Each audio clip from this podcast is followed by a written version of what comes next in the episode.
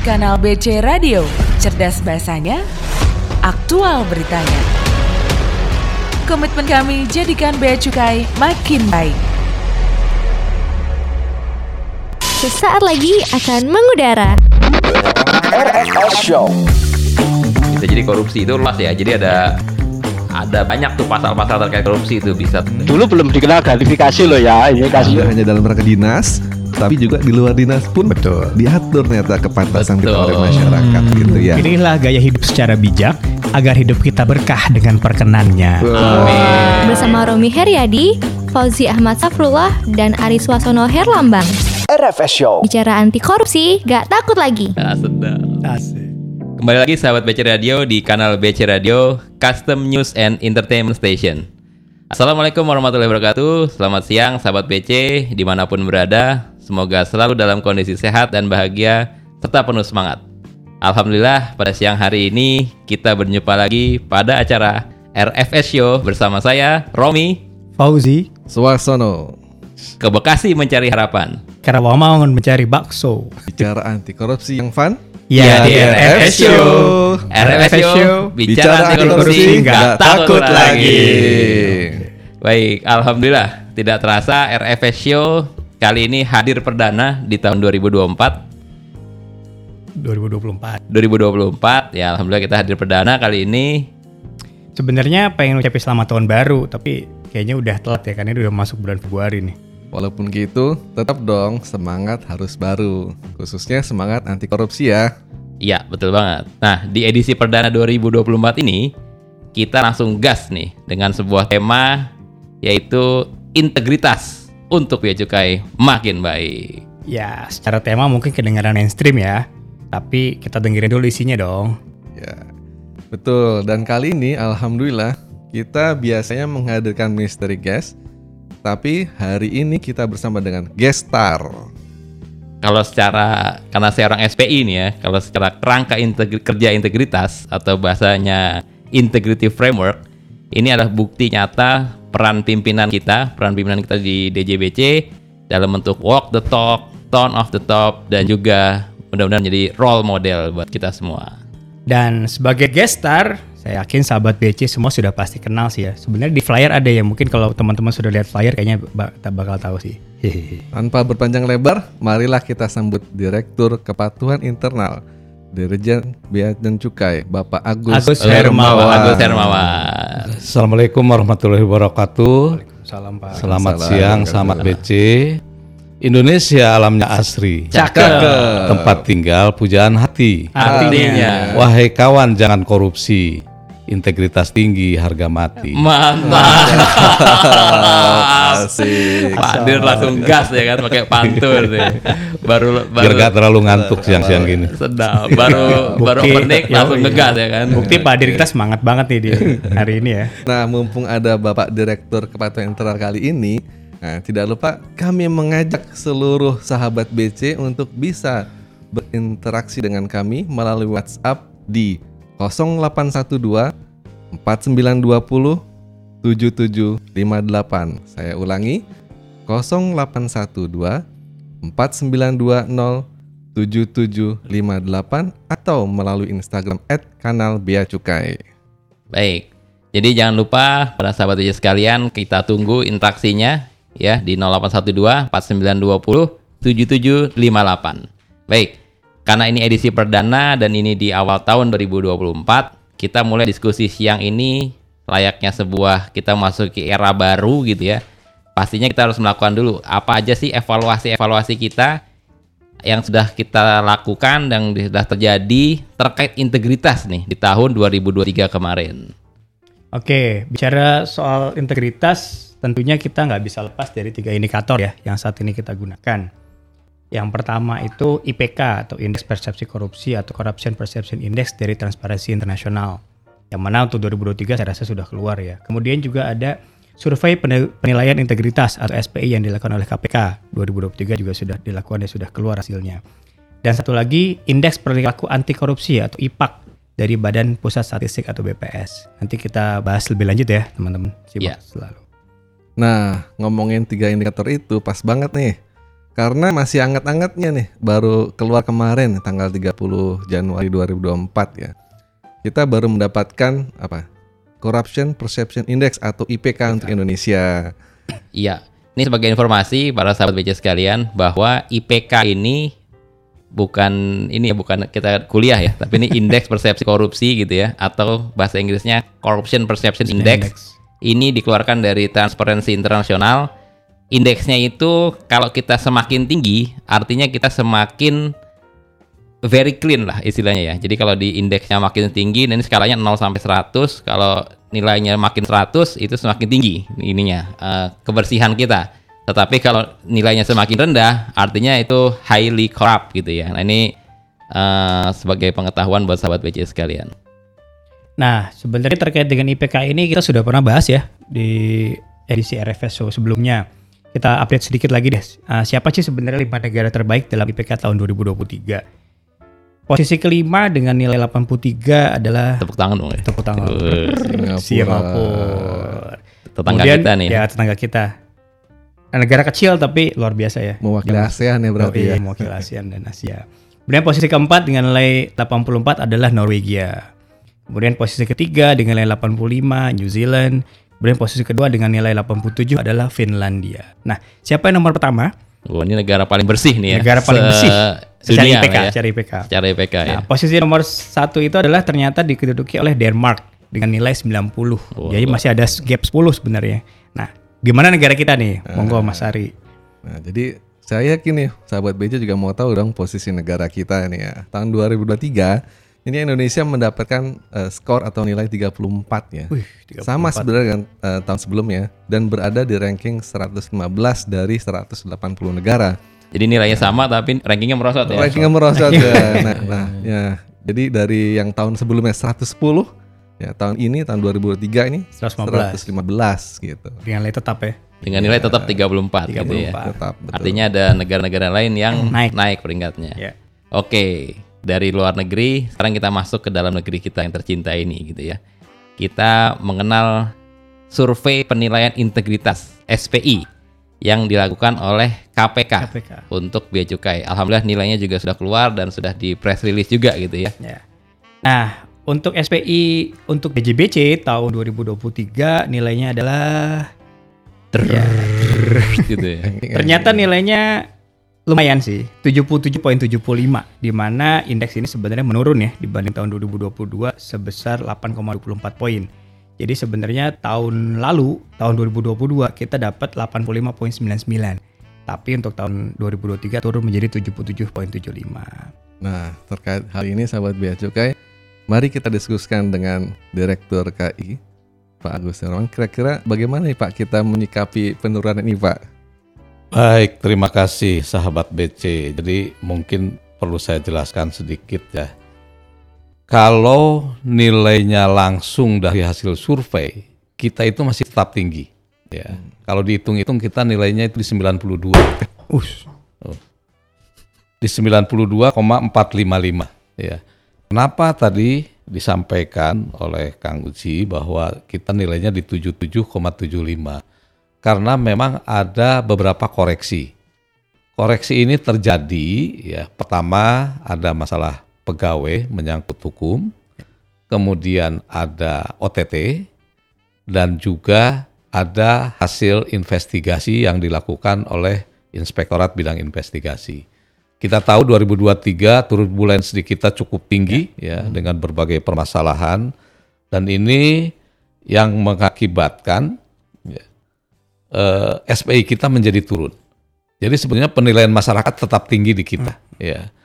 Satu yang sangat membanggakan bagi saya secara pribadi di Direktorat Kepatuhan Internal bahwa nilai integritas pegawai kita menurut menurut penilaian eksternal itu ada di nilai 98,53. Masya Iya, Allah. hampir Tinggi banget, 100 bayangkan biasa, aja ya. biasa ya. Padahal dulu Pak Ari masih kuliah kan nggak pernah dapat nilai 98. Iya, selalu 99 Pak.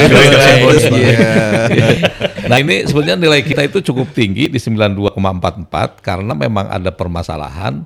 Jadi kita harus dengan lega menanggung ini ya kita tanggung bersama ya kondisi ini ada pemotongan sekitar 14 lebih ya 14 poin lebih ya. Jadi ini sebetulnya usaha-usaha yang dilakukan oleh para pimpinan dan seluruh eh, cukai baik di pusat maupun di daerah itu juga sudah sangat optimal ya. Dan ini saya atas nama pimpinan mengucapkan terima kasih bagaimana rekan-rekan sekalian menjalankan SE05 tentang program peningkatan integritas pegawai dan ini memang cukup membanggakan. Yang tadi salah satu di eh, sampaikan ini hasil dari KPK ya bukan dari hasil dari KI ini. Iya. KPK betul, Pak. Jangan dikira nanti ini oh ini kan dari KI bukan ini dari KPA KPK. Eh, itu nilainya yaitu tadi muncul mencoroti integritas pegawai itu ada di 98 ya. Ini tertinggi. Tahun lalu kita ada di 92. Oh, naiknya tinggi banget. Iya, untuk integritas khusus integritas ya. Dan mudah-mudahan yang perlu kita eh, jaga di tahun 2024 ini ya hal-hal yang tadi yang menyebabkan ada eh, koreksi atau ada penurunan itu yang harus dijaga ya. Artinya eh, jangan sampai ada OTT ya, jangan sampai ada hasil investigasi dari Inspektorat Jenderal eh, yang apa mengakibatkan penjatuhan hukuman disiplin.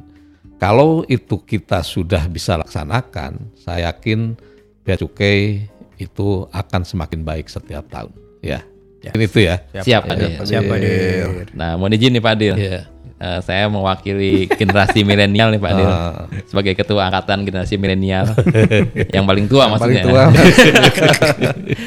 Jadi mohon izin nih kalau kedua rekan saya ini masih masuknya kolonial nih Pak. Nah, sebagai generasi milenial pasti kami ingin tahu nih Pak. eh, tadi Pak Dir udah memberikan arahan bahwa jangan sampai tahun ini kita ada OTT lagi, jangan sampai kita ada masalah-masalah hukum, masalah investigasi yang bermasalah dan seterusnya.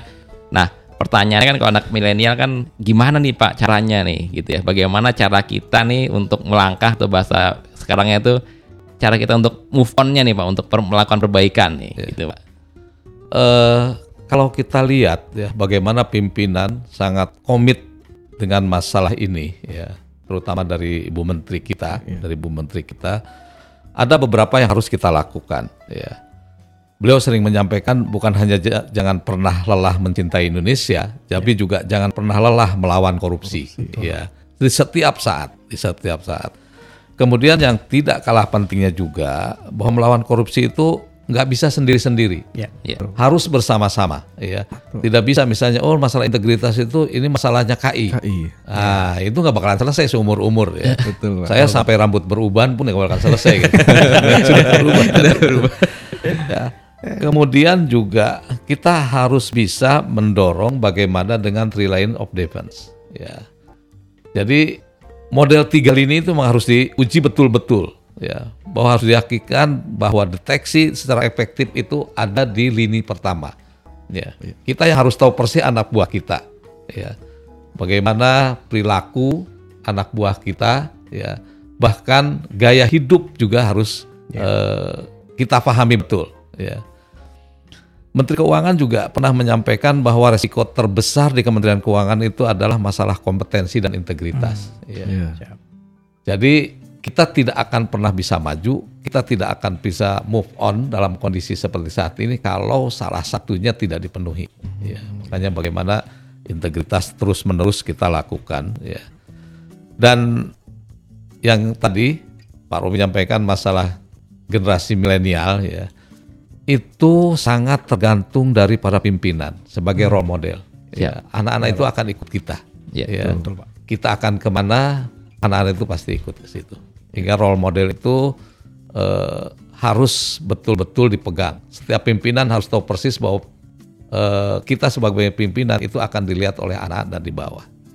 Dan ini memang kita harus eh, terus-menerus istilah Bu Menteri itu masalah integritas atau menjaga integritas itu seperti kita menjaga jenggot ya, yang tidak berjenggot ya, Ya, kayak seperti saya. Jadi hari ini dikerok jangan terus dibiarkan. Ya, Oh, iya, kalau dibiarkan seperti Kang Uji, Ya. ya, akan tumbuh kan. Banget. Jadi harus setiap saat gitu. Makanya tadi jangan lelah untuk menjaga Mencegah, apa namanya, melawan melawan korupsi. korupsi. Korupsi. Iya. Itu mungkin ya kalau kita lihat dari pimpinan.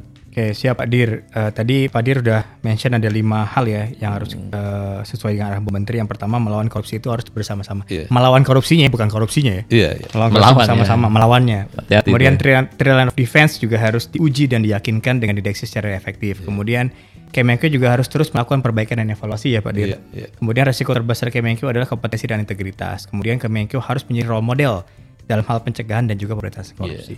Nah kira-kira selain lima itu apalagi yang bisa kita lakukan Pak Dir? Sebenarnya ada dua kunci ya yang memang kita harus pegang betul-betul di setiap lini tertunya. Ya. Yang pertama masalah leadership, ya masalah leadership. Kemudian yang kedua masalah perbaikan budaya. Oh, Sebetulnya kita sudah punya rambu-rambu budaya ini ya. Bagaimana eh, apa namanya eh, eh, apa istilahnya sikap dasar kita. Oh iya.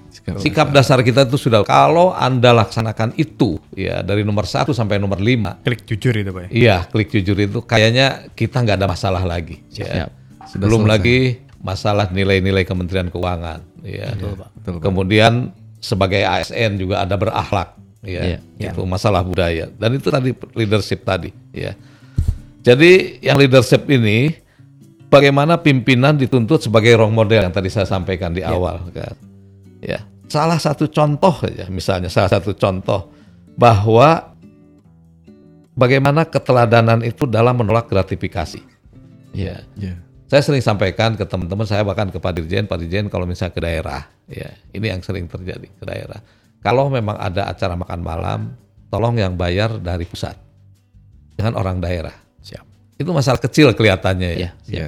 Tapi masalahnya kan kalau misalnya yang itu yang bayar siapa? Untung kalau ada di DIPA, ada jamuan tamu. Kalau nggak ada, Iya. Nah ini yang harus kita perhatikan. Jadi masalah masalah keteladanan itu, masalah role model itu harus kita apa namanya kita dorong betul-betul. Ya. Kemudian tadi masalah budaya, ya. Misalnya budayakan tolak dan laporkan gratifikasi. Ya. Oke. Jadi kita bukan hanya menolak, ya, tapi juga harus melaporkan. Laporkan. Ya. Karena begitu ditolak, kita nggak tahu kalau nggak dilaporkan. Siapa tahu dia ngasih ke yang lain. Ya. Iya. Dan ini banyak terjadi. Iya, itu betul, banyak terjadi. Iya, iya. Jadi misalnya satu perusahaan dia menyuruh ke manajernya gitu datang ke Pak Romi gitu kan. Kalau tahu Pak Romi di KI ya misalnya. oh saya nggak mau karena saya di KI. Gitu. Nah, dia balik lagi karena tidak dilaporkan ya. Dia nggak balik lagi tuh ke ke kantornya itu dipakai sendiri.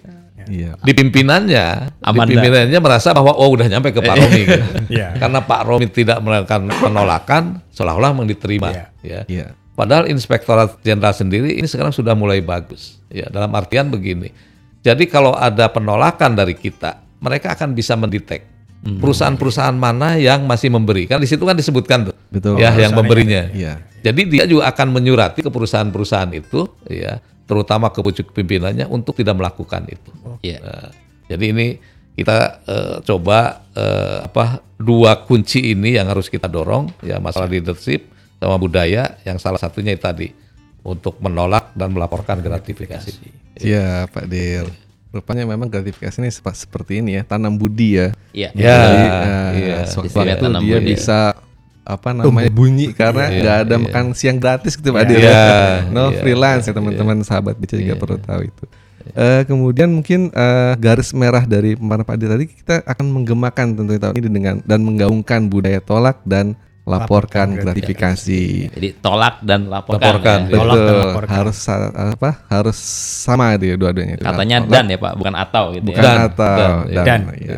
Jadi eh, sahabat BC ngomong-ngomong tentang tolak gratifikasi ini, DJBC dalam hal ini KPU BC Priuk ini mendapatkan penghargaan pada acara Hakordia 2023 sebagai unit pengendali gratifikasi dengan pelaporan penolakan tertinggi loh. Oh, Terusan buat KPU BCK Priok. Selamat KPU Priok. Luar biasa ya. Iya. Oke.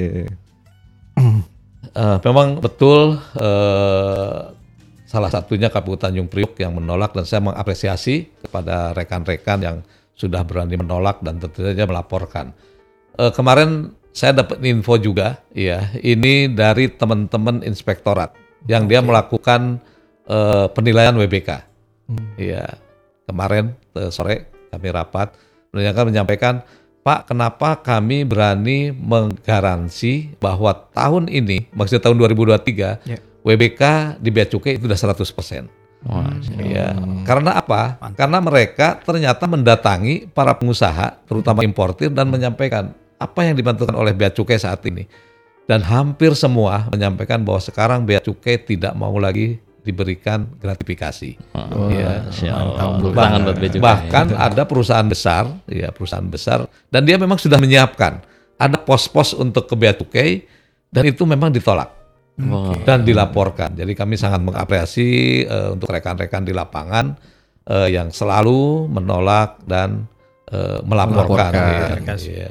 Saya juga sebenarnya pengen ya menolak dan melaporkan. Ya. Iya Pak. Cuma nggak pernah ada yang ngasih ke saya. Jadi saya bingung melaporkan apa gitu. Jabatannya Tapi saya sangat salut ya dengan suasana saat ini dan kita juga harus bersyukur terus terang aja dengan apa namanya penghasilan yang menurut saya Betul, cukup Pak. lah Betul, untuk Pak. hidup. Betul. Pak. Kita nggak usah lagi seperti apa seperti yang apa namanya menerima atau gratifikasi yang tidak jelas itu ya. Betul, Pak. Betul, betul, Pak. Gitu ya. Iya. Nah tadi kalau Pak Dir memberikan testimoni dari Itjen katanya yang bilang bahwa bea cukai sekarang nggak mau lagi. Saya juga pernah dengar nih Pak di lapangan. Tapi ini agak agak susah sebenarnya ya. Jadi dihubungkan ini tanda-tanda kiamat Pak. Oh, Karena karena bea cukai bea nggak mau nerima. agak agak repot nih ya tanda-tanda kiamat gitu ya. Kiamat sudah dekat. Tanda-tanda bea cukai makin baik yang jelas Wah, Pak. itu ya, Pak. harusnya begitu jangan tanda-tanda- tanda-tanda kiamat gitu ya. Nanti kita bertanggung jawab pula terhadap ini gitu kan. Iya. Baik, alhamdulillah eh, semakin panas kita diskusi kita siang ini dan sepertinya kita perlu break dulu gitu ya. Dan pada saat break ini kami sekali lagi mengundang ini momen yang sangat langka bisa berinteraksi langsung dengan Bapak Direktur Kepatuhan Internal Pak Agus Hermawan. Kami tunggu di 0812 4920 7758. Kanal BC Radio, cerdas bahasanya, aktual beritanya. Mengudara untuk menemani hari Anda dengan informasi terkini seputar kepabeanan dan cukai.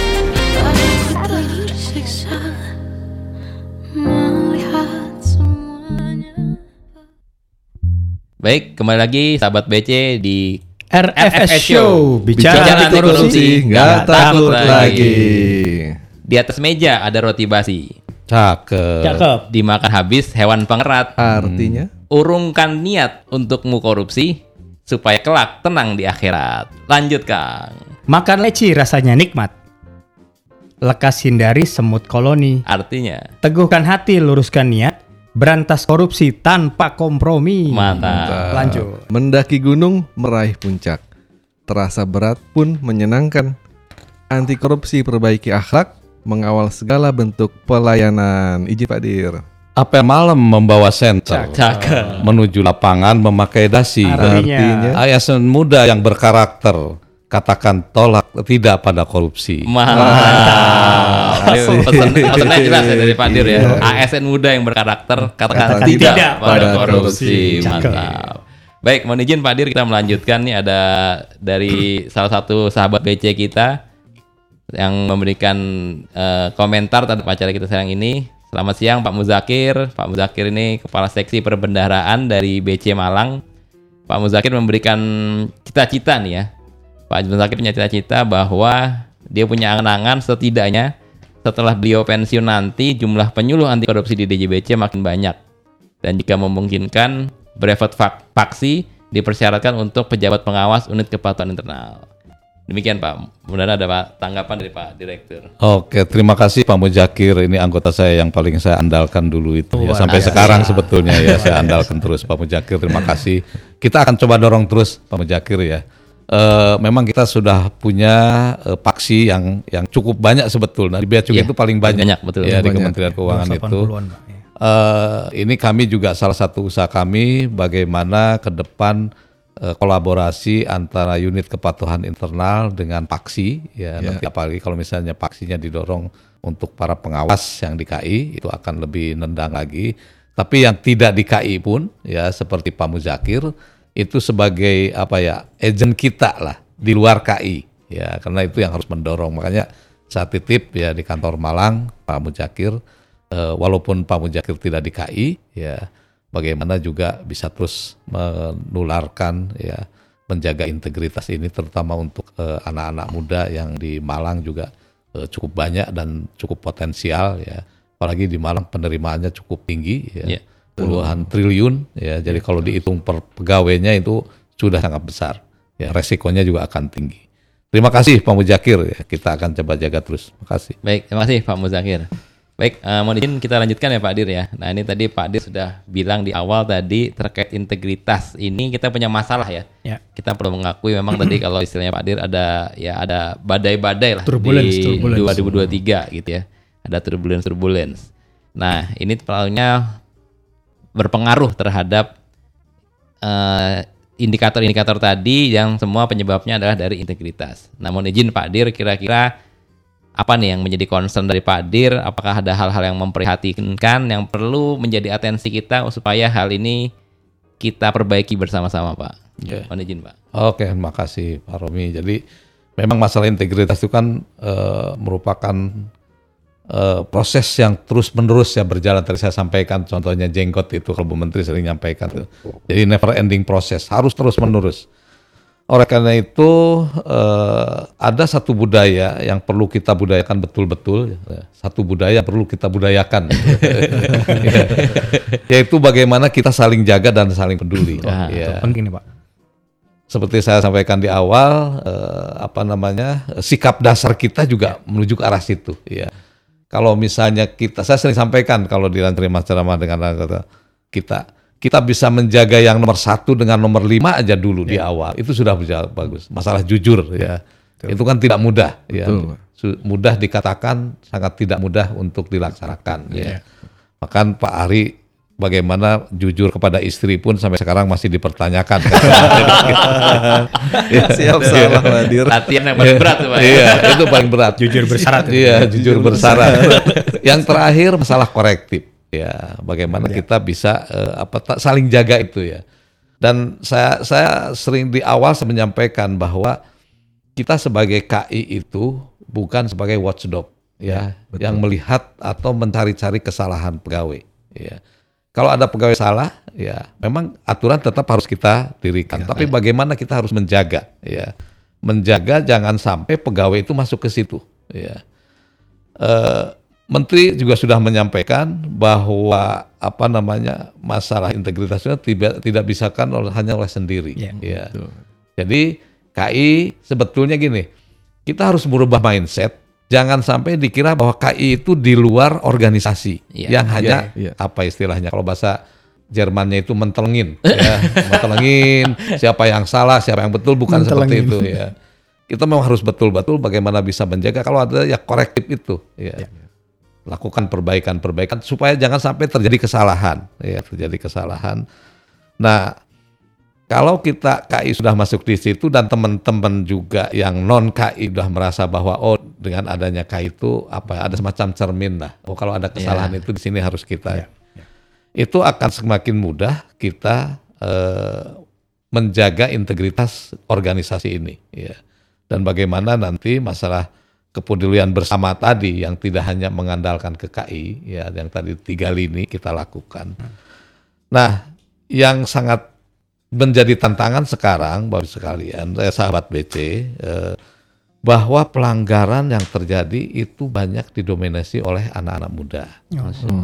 Yang justru itu saya sering menyampaikan ke anak-anak saya di Kepatuhan Internasional, kalau kita ingin mengejar 2045 Indonesia emas, Iya. ya, Iya.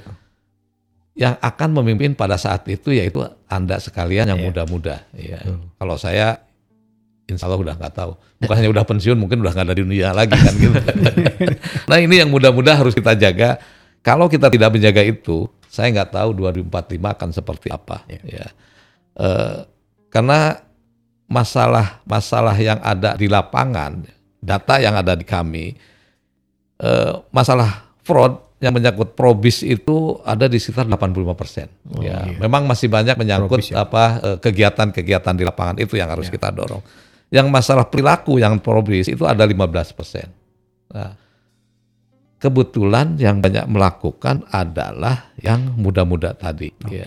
Di apa namanya eh, sekitar 60 persen itu yang usianya di bawah 45, jadi 45 tahun ke bawah. Oke. Ya, yang akan menjadi harapan kita bagaimana di 2045 Indonesia emas kita memang akan eh, lebih maju lagi. ya. Hmm. Ini yang memang kita harus betul-betul jaga. Makanya kenapa tadi kita harus saling jaga, saling peduli, ya bukan untuk yang masa sekarang, tapi juga untuk apa namanya masa depan yang eh, masih panjang dilakukan. Dan ini sekali lagi bukan hanya tanggung jawab unit kepatuhan internal. Ya. Itu Siap. maksudnya. Oke, eh, izin Pak Dir, eh, dari penjelasan Pak Dir tadi kan sepertinya ini sudut pandangnya KI banget ya, Iya, Pak Dir. iya, iya. Nah, kira-kira gimana nih dengan dari sudut pandang yang lebih satu atau lebih luasnya dari sudut pandang yang bukan UKI, Pak Dir, Oke, organisasi? iya. Eh, kita sudah punya tiga lini, tiga lini ya. Ini yang lini pertama ya dalam hal ini manajerial tentunya ya siapa pun yang ada di situ ya itu perannya memang harus ditingkatkan ya.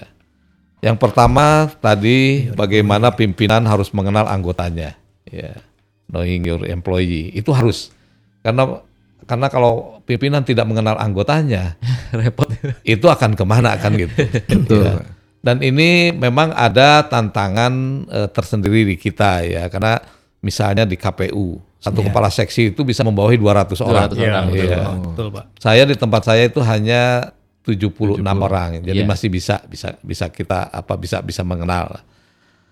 Eh ya ini untuk penjagaan fraud ini juga eh, bagaimana kita juga menciptakan lingkungan lingkungan sekitarnya ya masalah gaya hidupnya seperti apa perilakunya kode etiknya ya karena eh, kita tidak bisa menyamakan antara antara apa namanya eh, yang kolonial dengan milenial Ya. ya tapi kita juga harus bisa masuk ke mereka arah mereka harus ke mana ya. Kemudian juga kita harus mulai terbuka ya. Kalau misalnya ada pegawai yang memberi masalah ya. Kita tidak tidak semua pegawai itu clear semua. Saya kira yang di sini juga pasti punya masalah. Ya, Iya, Ya, betul, betul, Pak. bagaimana pimpinan juga harus bisa apa harus mau mendengarkan ya. Sehingga mereka juga mau ngomong ya. Alhamdulillah eh, ruangan saya saya sengaja tidak tutup pintunya ya dan sampai saat ini memang masih banyak yang datang ke tempat saya untuk hanya sekedar ngobrol aja ya Oke. ya Kak, syukur-syukur kalau saya bisa bisa memberikan solusi itu akan lebih bagus ya tapi dengan ada komunikasi yang apa namanya yang inten antara bawahan dengan atasan ya di mana di situ pimpinan juga bisa menangkap aspirasi dan ide-ide dari pegawai karena ada ide-ide juga dari mereka yang bisa kita terapkan ya. Ya. dan ini sebetulnya memberi ruang kepada mereka untuk bisa berinovasi ya sehingga masalah integritas itu bisa dijaga jadi lini satu itu memang sangat sangat dominan sangat penting bagaimana untuk menjaga anak-anak atau para pegawai itu bisa berintegritas lebih bagus lagi ya Ya. Siap. Baik luar biasa nih eh, sahabat BC ya dalam waktu singkat tadi kita sudah banyak nih mendapatkan insight insight baru dari Pak Direktur Kepatuhan Internal ya. Mungkin sedikit feedback apa? eh, Recap, flashback recap, ya, recap. ya. Pertama itu ya terkait dengan leadership tadi ya. Di mana pimpinan juga harus menjadi model role ya. model Iya. buat Ini langsung disampaikan oleh Pak. Direktur lah ya. Langsung ya disampaikan oleh Pak Direktur. Kemudian selanjutnya ada budaya tolak dan Laporkan laporkan gratifikasi. gratifikasi yang ini juga akan kita terus gemakan, kita akan terus gaungkan di setiap eh, lini. Kemudian ada juga budaya saling jaga dan saling peduli, ya. Ini saling jaga bukan menjaga melindungi yang tidak baik Ya. gitu Pak. Yang Tapi untuk mencegah ya, mencegah jangan Ya. sampai terjadi. Saling mengingatkan, saling interaksi ya. Intinya ada komunikasi tadi kata Pak Dir. Kemudian juga harus eh, juga Speak ada up. budaya speak up dan listen up ya. Ya ini juga eh, perhatian buat kita semua. Baik. ini recap kita ya. Ya. Kita Iya. yang leadership dan kalau sedikit masuk ke area agama gitu ya bahwa kita semua adalah pemimpin, Pemimpin. khalifah gitu ya. Jadi kita bertanggung jawab terhadap diri kita masing-masing dan di kesempatan kali ini kita mulai dengan tiga budaya baru tadi ya. Ya. Tolak dan laporkan gratifikasi, Gratifikasi, saling jaga, saling peduli, speak up dan Speak up listen Listen up. up. Nah, izin sebelum kita lanjutkan, ini ada dari sahabat BC. Terima kasih langsung kasih pantun. Saya izin Cakep. bacakan nih. Ini karena ini untuk Pak Dir nih kayaknya. Jalan-jalan di pagi hari. Cakep. Membawa kertas di dalam tas. Artinya Kokohkan tekad lawan korupsi karena integritas adalah identitas. Luar biasa. Terima kasih Pak Bambang Heru Pak dari, dari Pak Bambang Heru saat ini di KPP BCT MPA Jakarta. Salam hormat untuk Pak Dirkai dan semua sahabat BC. Siap. Bang Ormo, Bang. nggak ada pertanyaan ya? Terima kasih Pak Bambang eh, pantunnya. Kalau bisa tolong saya juga dikirim pantunnya. Karena ngirim pantun tidak termasuk gratifikasi. Nggak nggak perlu dilaporkan dan nggak perlu ditolak kayaknya. Sehingga Baik. saya Pak Bambang Heru ini baru eh, doktoral Pak, Pak baru Oh, iya, apa ujian sidang, doktor ya, sidang doktor, Oh, ya. iya, iya. Selamat Pak Bambang. Ya, Selamat. selamat, Pak Bambang. Mudah-mudahan. Iya. Kalau sudah dokternya sudah jadi, tolong dilaporkan ke sekretariat. Pak Bambang bisa di apa diapresiasi. Nambah statistik, Pak ya? Iya, iya. Siap. Siap. Izin Pak Pak Dir nih ada pertanyaan lagi. Kali ini datangnya dari pengguna jasa nih Pak. Oh, Oke. Nah ini alhamdulillah terima kasih eh, sahabat BC yang juga pengguna jasa. Pengguna jasa juga termasuk sahabat BC ya. Betul, Iya. betul. Karena kita adalah juga. mitra yang harus saling membantu gitu ya. Betul. Ini testimoni awalnya eh, Bapak ini sebagai pengguna jasa Alhamdulillah Pak, benar memang merasakan betul peningkatan integritas di Bea Cukai dibanding Luar dulu. biasa. Alhamdulillah. Mantap. Terima kasih. Terima Terima kasih. Nah, cuman sedikit beliau memberikan masukan yaitu mohon disorot bahwa masalah integritas ini bukan hanya dari relasi dengan pengguna jasa. Iya. Iya. Ada juga masalah pengaturan anggaran dan Oke. pengadaan dan hal-hal lain itu juga rawan terhadap fraud. Nah, ini pertanyaannya apakah hal-hal seperti itu juga sudah optimal untuk diingatkan? Iya. Terima kasih. berarti, Pak. Ya, oke. Terima kasih sahabat BC dari pengguna jasa saja. Jadi memang kami tidak hanya dengan masalah proses bisnis, Pak. Ya, pengadaan pun kami lakukan pemantauan kepatuhannya. Ya, jadi jadi yang eh, tadi masalah ada ada di bisnis, ada tadi yang 15% itu termasuk perilaku.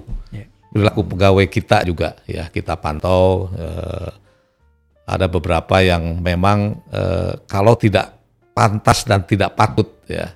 Apalagi dengan suasana misalnya kemarin covid ya suasana bagaimana negara kita kondisinya. Jadi jangan sampai ada pegawai-pegawai yang akhirnya menyinggung atau apa namanya eh, tidak merasa empati dengan kondisi di masyarakat. Jadi kami semua pak dari kepatuhan internal eh, perilaku eh, baik itu menyangkut dengan proses bisnis yang ada di bea cukai maupun yang apa tidak menyangkut yang proses bisnis itu menjadi pemantauan kami ya Ya. termasuk tadi dengan masalah pengu- apa namanya pengadaan, Pengadaan. gitu. Pengadaan. bahkan eh, untuk hal-hal tertentu pun kami eh, masuk ke area situ ya tapi sekali lagi terima kasih atas apresiasinya dan kami sangat berharap eh, apa namanya masukan dan koreksi Ya. dari para pengguna jasa kepada kami kepada Direktorat Jenderal Bea Cukai. Kami tidak akan alergi Pak dengan apa dengan masukan karena Bapak Ibu sekalian merupakan eh, alat atau cermin bagi kami untuk melihat diri kami sendiri ya. Mungkin itu dari saya. Baik, terima kasih Pak Dir. Jadi masukan-masukan ini sangat berarti ya buat Ya, kita Ya, ya. ya, sangat untuk berarti. perbaikan ke depan. Betul, perbaikan ke depan. Ibarat obat walaupun pahit ternyata menyehatkan gitu ya. Tentang yang manis-manis bisa jadi penyakit gitu ya. Baik, terima kasih. Ini ternyata dari Pak Musa. Terima kasih, salam hormat Pak Musa. Eh, kami tunggu masukan-masukannya dan juga terima kasih atas testimoninya. Nah, eh, sahabat BC sekalian, sebelum kita lanjut lagi, kita akan masuk ke diskusi yang semakin panas lagi gitu ya, semakin hebat lagi dan juga kami kembali mengundang sahabat BC yang ingin berinteraksi langsung dengan Bapak Direktur KI karena ini momen yang sangat luar biasa nih kalau di itu namanya jam pimpinan gitu ya. Wih. Cie, ini bukan jam pizza tapi jam pimpinan gitu ya bersama Pak Direktur KI. Jam Silahkan menghubungi kami lagi di chat di 0812 4920 7758. Kanal BC Radio, cerdas bahasanya, aktual beritanya.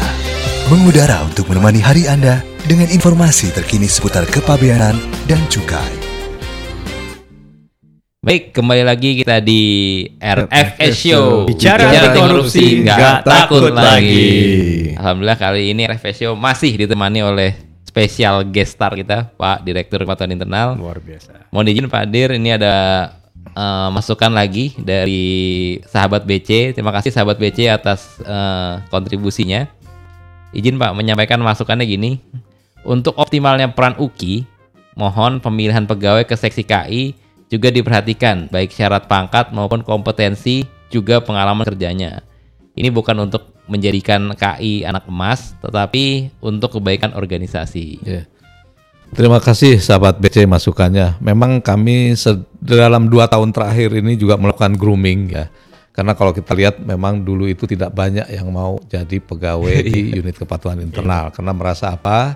Merasa itu tadi tidak ada teman ya. Ya. Karena mindset yang tadi saya sampaikan KI sebagai eh, apa watchdog ya. Makanya kita akan coba rubah 2019 kami mencoba meluncing apa namanya? eh apa istilahnya? eh Tagline. Tagline, Tagline. ya, Tagline. tagline. Tagline. Kalau anak-anak muda masih apal tagline kan gitu. Tagline, Pak. Jadi tagline-nya KI sahabat, sahabat kita. kita. Oh, iya, Nah, iya. Bagaimana kita yang lebih humanis lah gitu.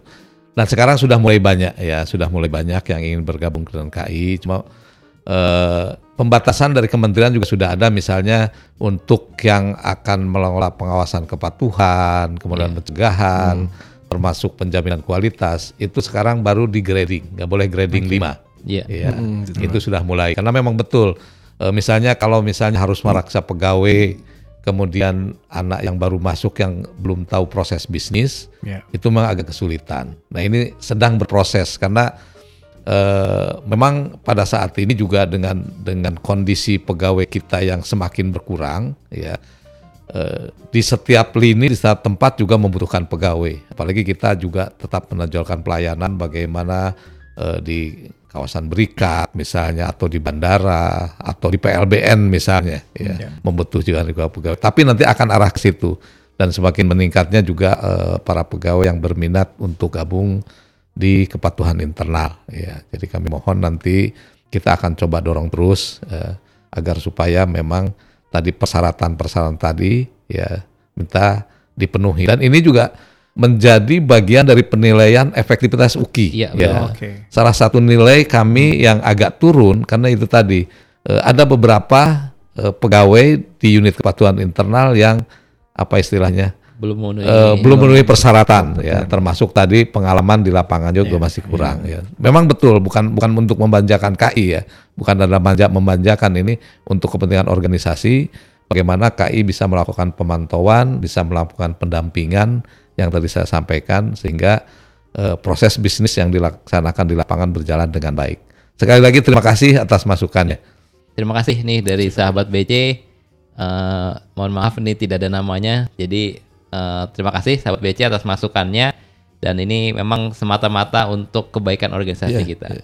Baik, ini ada masukan lagi Pak dari sahabat BC kita, Ibu Betty Ijani. Oh, Saat Betty, ini. Ibu Betty sebagai Kasubag Tata Usaha dan Keuangan di Kanwil DJBC Jawa Barat. Jawa Barat. ya. Nah, Mbak Bu Betty menyampaikan usulan bahwa budaya anti budaya anti korupsi dan integritas harus diterapkan juga pada penganggaran. Nah, ini kembali lagi Pak ke penganggaran. Internal. Iya. Jadi kita harus taat azas terhadap penganggaran. Karena kita yang kita anut sekarang adalah anggaran berbasis kinerja. Menurut Bu Betty banyak azas yang harus dipenuhi, tidak bisa sembarangan dalam mengelola anggaran. Iya. Iya, ini sepakat Pak ya tadi kita Ya, bahas. setuju Bu Betty ya. eh, saya udah kenal lama juga dengan beliau. Ya, memang eh, tantangan tersendiri kan kadang-kadang eh, sering juga begini ya kejadian-kejadian di lapangan. Eh, satu kantor sudah menyampaikan anggaran, ya kan ini yang tahun 2025 saja. Ini bulan Februari ini harus sudah dimasukkan. Iya. Ya. Begitu nyampe 2025 pimpinan ganti dan segala macam ganti ada ada ada apa namanya eh, project atau kegiatan-kegiatan lain yang diperlukan. Nah, itu yang agak menyulitkan akhirnya ya. Ini memang tidak mudah. Nanti barangkali eh, ada sesi nanti dengan apa namanya dengan Bagian pengelola keuangan. anggaran ya dengan bagian keuangan. Ya. Karena memang pakemnya udah udah ini. Misalnya ini yang saat inilah, yang saat ini yang jelas-jelas eh, nyata ya. Eh Renstra kita kan belum jadi nih. Ya. Ranger 2020 belum jadi kan. Betul, betul, iya. Tapi anggarannya harus sudah siap. Nah, terus bagaimana nanti? Sudah disediakan untuk ABC ternyata rencana kerjanya nggak ada gitu kan. Ini memang tantangan tersendiri ya. Memang betul Bu Betty ya nanti menjadi perhatian kita juga. Terima kasih Bu Betty. Terima kasih Bu Terima Betty. kasih, Betty. Tadi Pak Acoy sebagai produser kanal BC tadi Pak Adir udah kasih spill sedikit. Be- Kapan-kapan diundang lagi untuk bahas terkait anggaran. Wah, Enggak, disetujui. karena gini, Anggaran BCK makin baik. gini, mem- memang memang gini. Kadang-kadang kita fokus ke masalah proses bisnis ya. Iya, Ya. betul. Tapi kadang-kadang Dukman itu Betul, Pak. terlupakan. Iya. ya.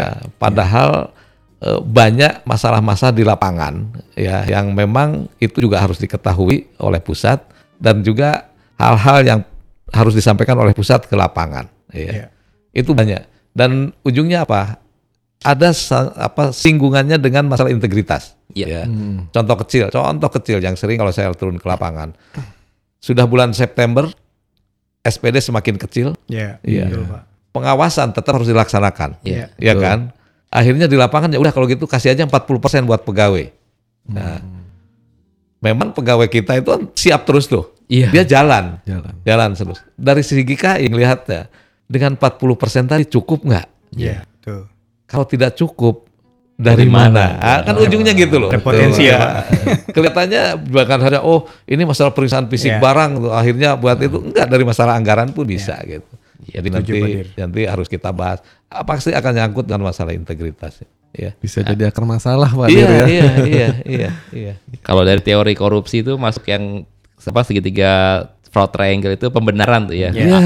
Awal- Rasionalisasi. Betul. Ya, rasionalisasi, pembenaran. Pembenaran. Ah ini mah ini kan demi operasional. Iya. Awalnya nggak salah-salah amat gitu ya. Iya. Eh lama-lama amatnya nggak ada.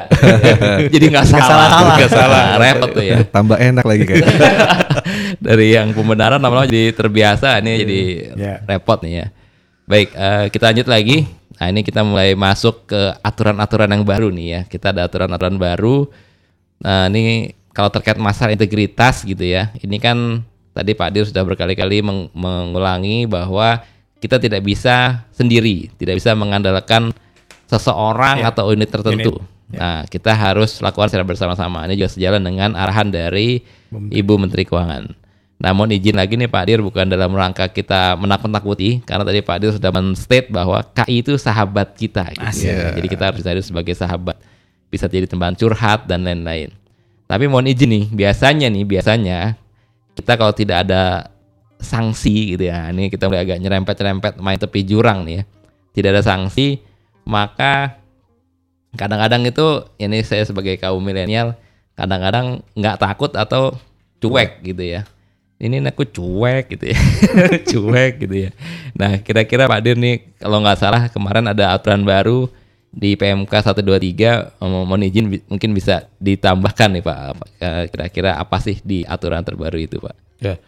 Jadi gini, eh, dengan keluarnya eh, PP 94 yang Iya. terbaru menggantikan yang 53 Ya. itu eh, dulu eh, jadi belum ada aturan bagaimana sih menyikapinya karena misalnya di berat itu, di berat itu kalau dulu kan 5 5 level ya. Iya. Iya. Sekarang hanya tiga, ya. Sehingga perlu dibuatkan suatu apa namanya pedoman atau aturan yang tadi disampaikan Pak Romi ya eh, PMK nomor 123. Jadi untuk mempermudah bagaimana cara pemeriksaan pelanggaran disiplin dan penjatuhan hukuman disiplin ya di kita di Kementerian Keuangan. Karena kalau tidak diatur gitu ya begitu ada kasus itu bisa berlarut-larut. Ya. Iya. Ya, bahkan berulang tahun. Nah, kasusnya lang ya, jadi nggak nggak dijatuhkan hukum berulang tahun gitu kan. Nah, ini juga agak berpengaruh terhadap eh, apa namanya sistem mutasi kita. Jadi pegawainya udah dua kali mutasi, tapi belum dijatuhkan hukuman disiplin. Iya.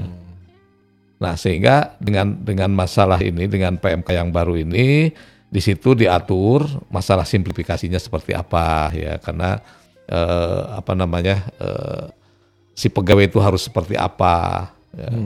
Kemudian eh, prosesnya juga lebih cepat. Ya. Seingat saya kalau yang dengan ini tuh tidak berulang tahun ya. Ya. Ya. Hanya Amin. beberapa hari saja, beberapa puluh hari aja gitu kan. Karena tetap proses harus ada. Kemudian juga perluasan daftar pemeriksaan. Iya. Ada juga penegasan status pemeriksaan hukdis. Hukdis, Ya. Statusnya seperti apa kalau dia sudah kena hukdis itu, itu harus Iya. seperti apa ya. Ini yang harus jadi perhatian kita kan. Kemudian juga kadang-kadang begitu ada rekomendasi baik dari UKI maupun dari IBI, kemudian kan ada proses pemeriksaan dari atasan langsung atau tim. Ya. Itu hasilnya kadang-kadang berbeda. Iya. Nah, kalau berbeda ini seperti apa? Ini kan nggak bisa ngotot-ngototan. Ya. Kalau kemarin ya itu tadi ngotot-ngototan mana yang kuat itu yang menang. Ya, nanti ada proses tersendiri.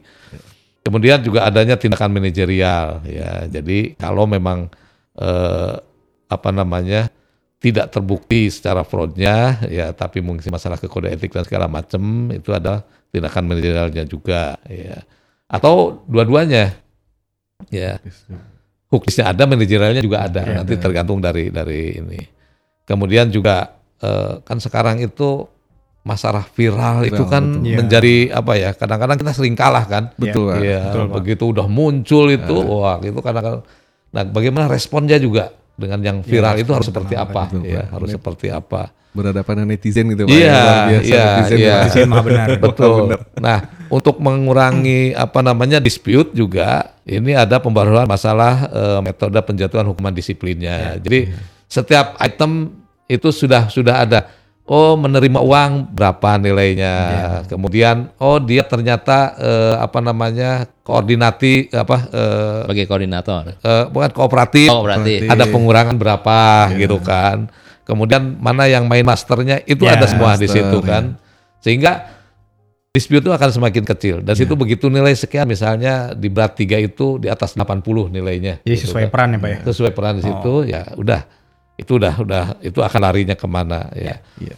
Kemudian juga ada penundaan dan penghentian proses pemeriksaan ya nanti akan seperti apa dan kemudian yang tidak kalah pentingnya ini juga yang harus jadi perhatian kita masalah implementasi potongan tukin ya. No. itu yang harus Ya. hati-hati jadi bukan nakut-nakutin emang kenyataan ya. Eh, berat Konsekuensi, berat, Pak, ya? iya berat satu itu 85 persen Wih, uh, tinggal Iya. 15 persen. Tinggal 15 persen. Yang 15%. Saya sering nyampaikan ke anak-anak itu kalau kamu dapat eh, tukin selama ini 10 juta, ya siap-siap nanti setengah dengan satu ya. setengah juta. kalau berat dua itu 95 persen. Iya. Iya. Waduh, tinggal lima Jadi persen. tinggal 500 ribu. Ya, padahal untuk beli apa skincare aja nggak cukup.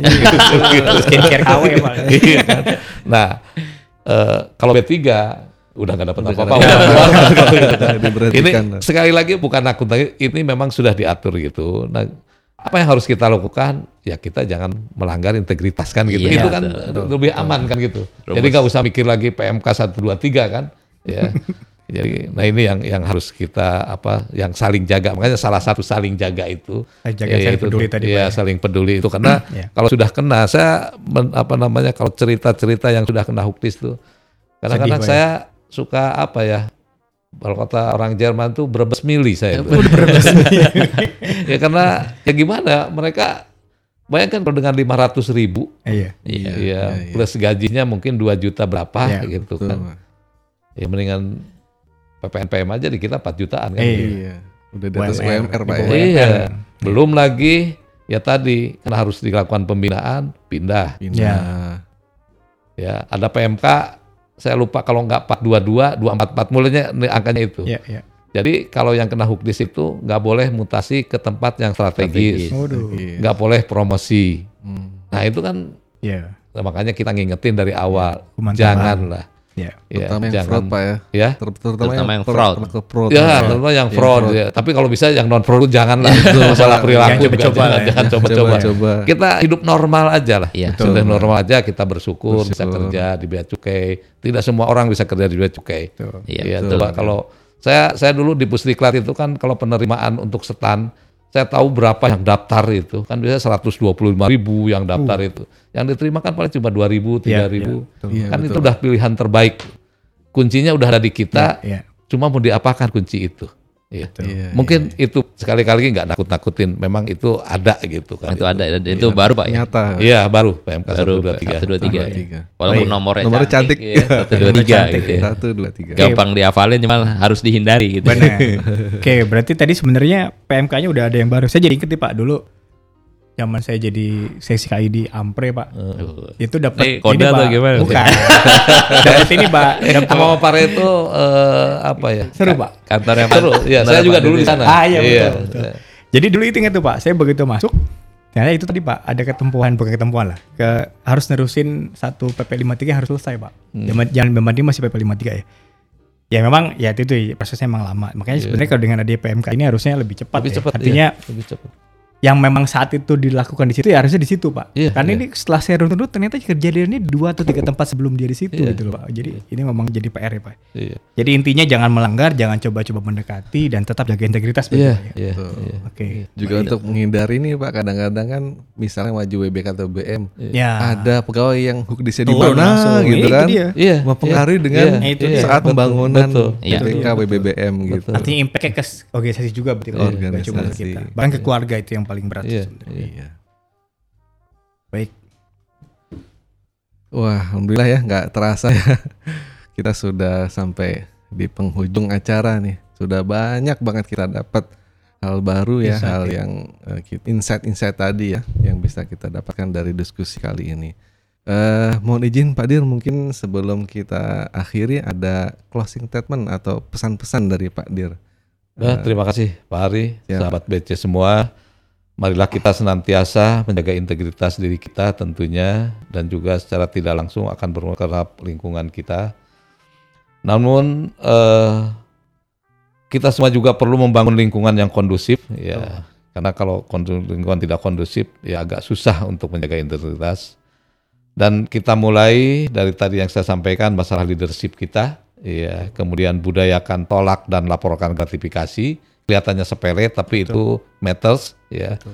Budayakan saling jaga, kemudian saling peduli, juga budayakan untuk speak up dan listen up. Jadi kita apalagi sebagai pimpinan jangan hanya bisa apa eh, ngomong, tapi harus juga mau mendengar. Iya. Iya. Walk the talk. Ya, talk itu. Jadi setelah itu ingat selalu ya kita sebagai hamba Allah, hamba Tuhan yang Maha Kuasa, eh, mudah-mudahan Tuhan selalu memberikan perlindungan kepada diri kita, keluarga kita, tentunya institusi kita, masyarakat serta negara dan bangsa Indonesia. Amin. Amin. Ya Rabbal Ya Rabbal Alamin. Baik, kita closing nih ya. Kita gas ya. Gas. Gas. Baik, terima kasih sahabat BC sekalian di telah mengikuti kami di RFS Show. Mudah-mudahan kita insya Allah ketemu lagi di sesi-sesi selanjutnya. Dan terima kasih yang kami hormati Pak Direktur Kepatuhan Internal atas sharingnya, atas penguatannya dan ini bukti bahwa kita tidak sendiri gitu ya. Bukti bahwa pimpinan di Bea Cukai dalam hal ini Pak Direktur Kepatuhan Internal sudah mau men-sharingkan bahwa berapa betapa pentingnya kita untuk senantiasa menjaga Jaga integritas, integritas, kita. Betul. Senantiasa tidak bosan-bosannya untuk mengingatkan kita dan ada beberapa budaya yang harus kita berdayakan yaitu tolak dan laporkan gratifikasi, saling jaga dan saling peduli serta speak, up, dan listen up. Ya. Senap. Kita gas nih ya. Sungguh kokoh sang tiang besi. Cakep. Cakep. Ibarkan semarak sang bendera. Arti. Artinya Anak muda bersikap anti korupsi untuk membasmi tikus-tikus negara. Ke toko buku membeli kertas, Cakep. ke toko bangunan membeli besi. Arti. Artinya. Hai bangkitlah tunas integritas, bersihkan negeri dari korupsi. Ke pasar lawak beli baku bekas baju bekas ya. Lihat kucing duduk di kursi. Transparansi dan aku akuntabilitas adalah prinsip anti korupsi. Jalan kaki ke Bekasi. Lelahnya tak terasa. Artinya Jauhi dirimu dari korupsi. Makan uang rakyat itu dosa.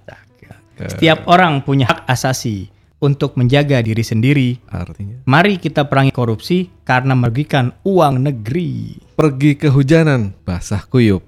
Membawa makanan ternyata basi. Berbohong saja aku tak sanggup. Sedap. Apalagi melakukan korupsi. Izin Pak Dir. Pasang alarm pukul 3 pagi. Asik. Bunyinya nyaring sekali. Artinya- Anti korupsi semangat kami demi kejayaan negeri ini. Mantap. Lanjut. Andi Basuki pergi mengaji. Cakep. Senanglah tubuh sampai ke hati. Artinya Anti korupsi nilai sejati. Peganglah teguh, bawalah mati. cakep. Jalan-jalan ke Sulawesi. Jangan lupa membeli kertas. Artinya Jauhkan diri dari korupsi jika ingin berintegritas. Wes, perahu layar bukanlah perahu kertas. Asik. Berlayar se ke seantero dunia. ASN diminta untuk selalu jaga integritas untuk wujudkan negeri aman sentosa. Silakan Pak Dir. Jalan-jalan ke Bokoheni, lihat seekor buaya. Artinya pemimpin anti korupsi itu disegani untuk kawal negeri senantiasa jaya. Masya. Baik, terima kasih sahabat BC semua. Insya Allah kita ketemu lagi di RFS Show berikutnya. RFS Show, bicara anti korupsi, nggak takut lagi. Wassalamualaikum warahmatullahi wabarakatuh. Terima kasih.